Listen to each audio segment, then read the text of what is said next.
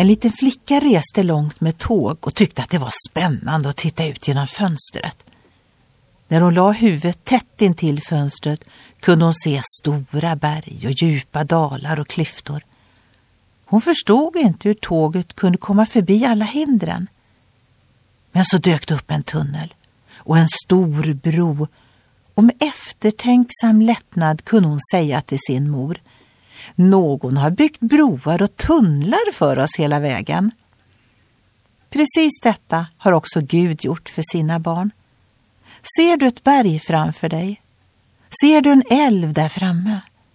Gud har gjort en väg genom hindren och över svårigheterna. I Bibeln kan vi läsa att Herren säger att om vi måste gå genom vatten eller strömmar så är han med oss. Dessutom har Bibeln denna goda uppmaning till oss. Ha din glädje i Herren och lägg ditt liv i hans hand. Han ska ge dig vad du behöver.